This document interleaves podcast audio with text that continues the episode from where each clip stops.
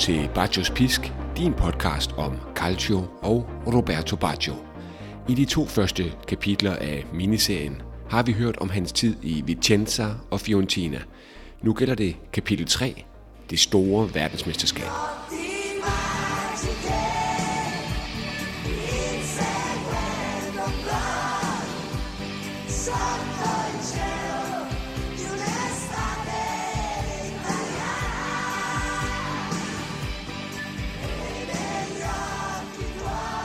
1990. Berlinmuren ligger endelig i ruiner. Fundamentet under Sovjetunionen ryster, og midt i afslutningen på den kolde krig gælder det så verdensmesterskabet i fodbold, der afholdes i Italien. I det kolde nord har danskere fået en del calcio under huden, takket være TV2's søndagstransmissioner, og selvom Danmark ikke er kvalificeret til VM, har mange alligevel glædet sig til at se, om en europæisk stormagt kan fravriste Argentina og Diego Armando Maradona VM-pokalen. Bliver det mund værtsnationen Italien, eller England, måske Vesttyskland, som det stadig hed i 1990, eller måske Holland med de vidunderlige spillere fra AC Milan? Eller bliver pokalen på det sydamerikanske kontinent hos de fysiske argentinere eller de fantasifulde brasilianere? Maradona var manden alle talte om.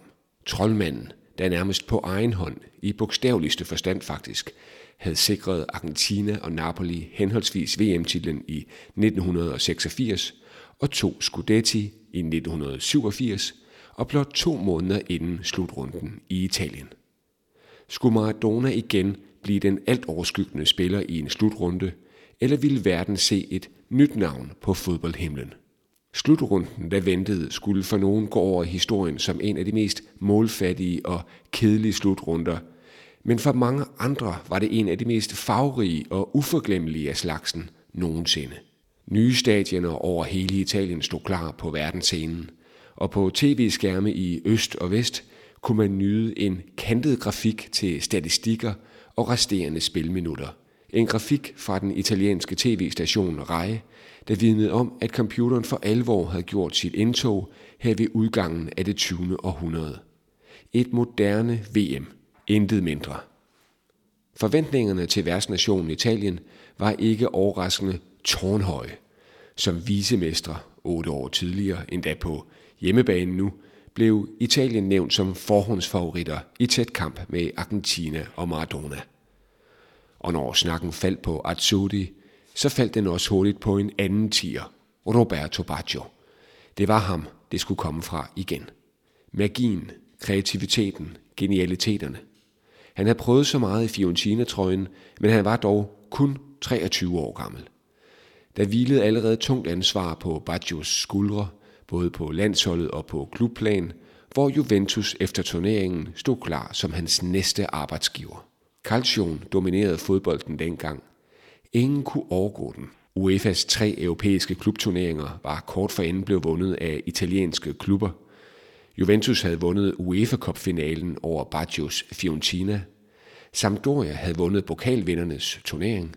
Og mægtige Milan under Arrigo Sacchi og Silvio Berlusconi tronede over dem alle som vinder af mesterholdenes Europacup. Italiens gruppe A bød på følgende modstandere. Østrig, USA, og Tjekoslovakiet. Overkommeligt skulle man tro. Tre kampe på Stadio Olimpico. Italien måtte vinde gruppen komfortabelt og avancere til 8.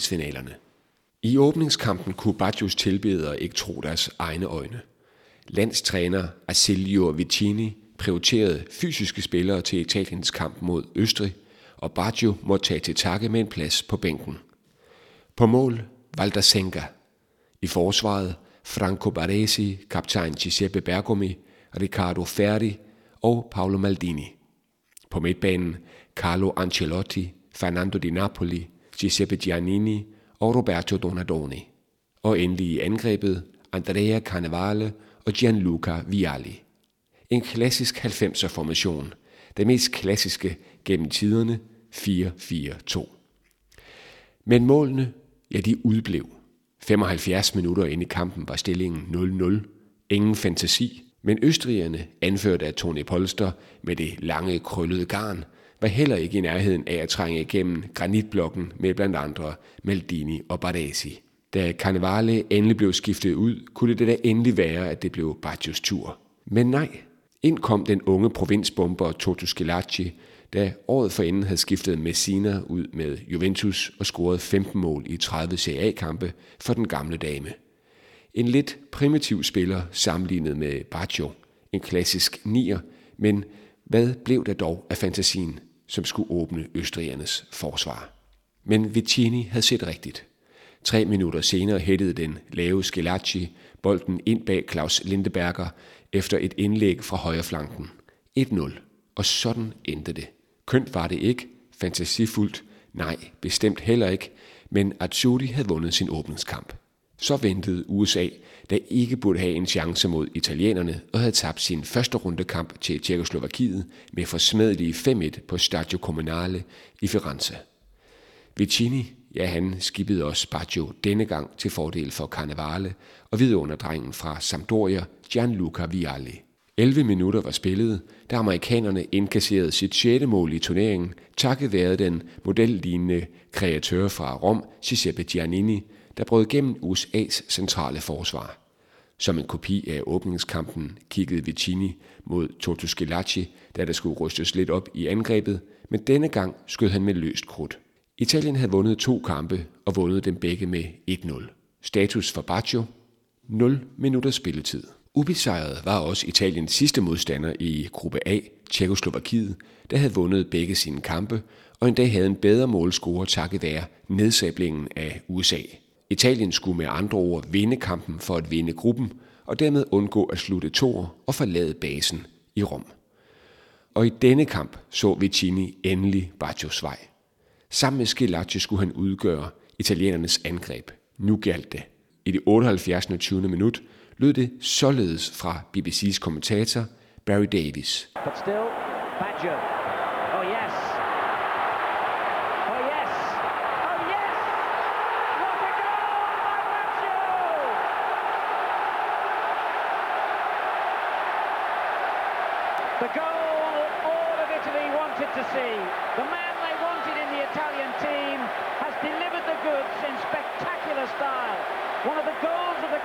of so far. That ball was glued to his right foot all the way into the back of the net. Angrebet blev indledt til venstre midt på banen. Baggio spillede 1-2 med Giannini, modtog bolden, trak mod midten af banen, nåede forbi en glidende takling, sænkede skulderen en anelse – afdriblede en central forsvarsspiller, der drejede rundt om sig selv i ren forvirring, og udplacerede tjekkernes sagsløse målmand. Turneringens mål. Bolden var som limet til Bajos højre fod under hele opbygningen til målet. Ni gange efter 1-2-manøvren med Giannini rørte Bajos fod bolden, inden han bragte Italien foran. Jubelscenen. Ja, jubelscenen den brændte sig også fast. Baggio løb for sig selv mod sidelinjen i nogle sekunder, og kastede sig så ned på ryggen med armene ud til siden. Presset. Alt det pres, den unge Baggio havde følt, forlod endelig hans krop, som han lå der og modtog sin enorme hyldest. Mange talte bagefter om det. Baggios mål mindede om et mål fra VM i 1986. Et mål, hvor en lille mand afdriblede et helt forsvar. Maradonas mål mod England naturligvis. Italien havde vundet gruppe A med maksimum point og skulle nu møde en nation med to VM-titler – den lille, inkarnerede fodboldnation ved Rio de la Plata, Uruguay. Vicini kunne ikke holde Baggio på bænken længere efter den præstation, og stillede med det samme tandem Baggio Schilacci. Uruguay, der sluttede som den dårligste af de fire træer i gruppespillet, der avancerede, skulle ikke volde Italien nogen problemer.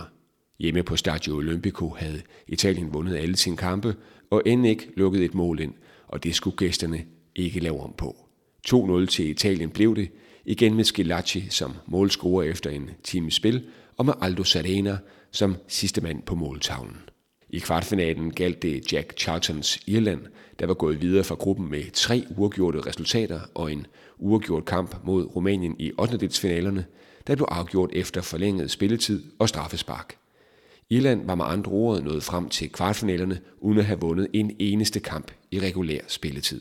Vicini stillede igen med Baggio i angrebet hjemme på Olympico, og selvom han ikke skulle score i kampen, blev han afgørende.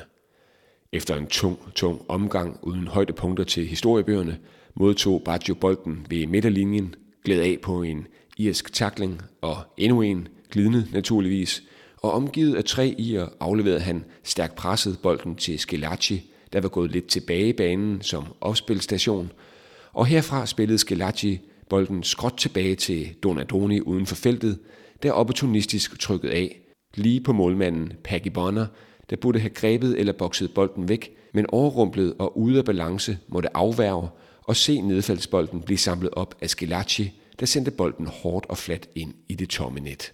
Endnu en 1-0 sejr til Italien, og nu ventede drømmeopgøret over dem alle. Mødet med Diego Armando Maradona og verdensmesterne fra Argentina, endda på Maradonas hjemmebane i Napoli. Argentina havde ikke sprudlet og havde knap avanceret for gruppespillet. Canidia havde godt nok sendt Brasilien ud i 8.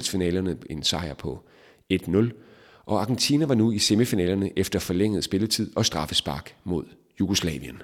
Fodboldens største spiller mod en af de spillere, der lignede ham mest, Roberto Baggio.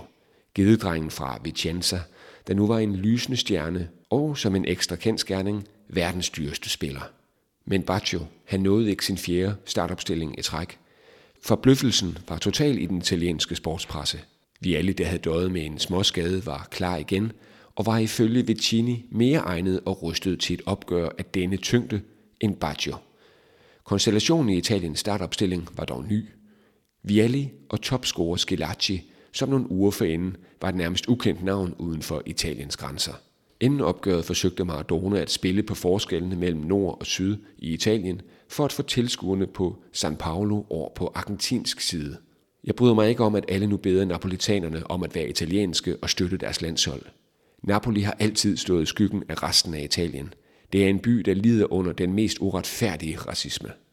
Semifinalen var den første kamp i turneringen uden for Rom for Italien, og væk fra den store hovedstad skulle Italien lukke sit første mål ind i turneringen. Ved stillingen 1-0 til Italien, gæt selv hvem der scorede. Skilacci igen, denne gang på en repost, dukkede en mand med flammende lokker op. Claudio Canigia, manden der havde slukket lyset for Brasilien, havde nu passeret Valdasenga med den overlegne udstråling og sin typiske sølvgrå målmandstrøje. Canigia med ryggen til mål hættede bolden forbi en fremadstormende Senka, der kom et halvt sekund for sent og for en sjælden gang skyld læste situationen forkert. Maradona's passing quite astute. Now Maradona again, he's becoming pretty influential here. He's made a run into the box this time. Canisius there with the back header, and it's a goal! Argentina are level. Italy have conceded their first goal of the World Cup. Maybe it was coming too. And Claudio Canija, the man who undid Brazil, has suddenly thrown this World Cup semi-final wide open. Yeah, Maradona plays it out wide. I think Olata Kachea's ball in. Just played it and Canisia just gets there in front. It was coming, you know, we spoke about it just earlier. That's a great little jump by him. Zenga was nowhere there. I den forlængede spilletid kom Baggio ind. Han havde 17 minutter til at gøre en forskel og sende Italien i finalen. 100 minutter var spillet, da Baggio nær havde gjort det. Direkte på frispark kanonerede han bolden over muren og kun med det yderste afværede en flyvende Goicochea i målet. 60.000 tilskuere på Stadio San Paolo gjorde sig klar til straffesparks afgørelsen, hvor Baggio gjorde sit til stillingen 2-1 Italien. Ved 3-3 brændte den erfarne Donadoni, og da Maradona gjorde det til 4-3 til Argentina, afhang alt af Sardina Aldo Serena, he's got to score this, otherwise Italy are out.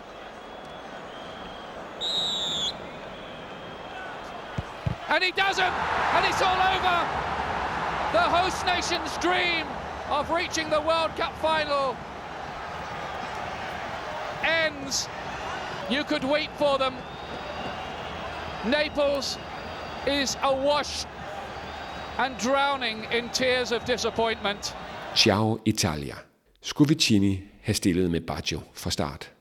Det er så let at være bagklog, men svaret må selvfølgelig være ja. Lige lidt hjalp det, at Baggio scorede for Italien i den ligegyldige kamp om tredjepladsen, der sluttede 2-1 til Italien over England. Baggio gav i den kamp Schillaci muligheden for at blive VM-topscorer ved stillingen E1, og for 11 meter pletten skrev Toto Schillaci sig i historiebøgerne. Røgen fra VM havde knap lagt sig, da Baggio tog hul på et nyt kapitel i karrieren. Tiden i Juventus fra 1990, der skulle strække sig helt frem til 1995.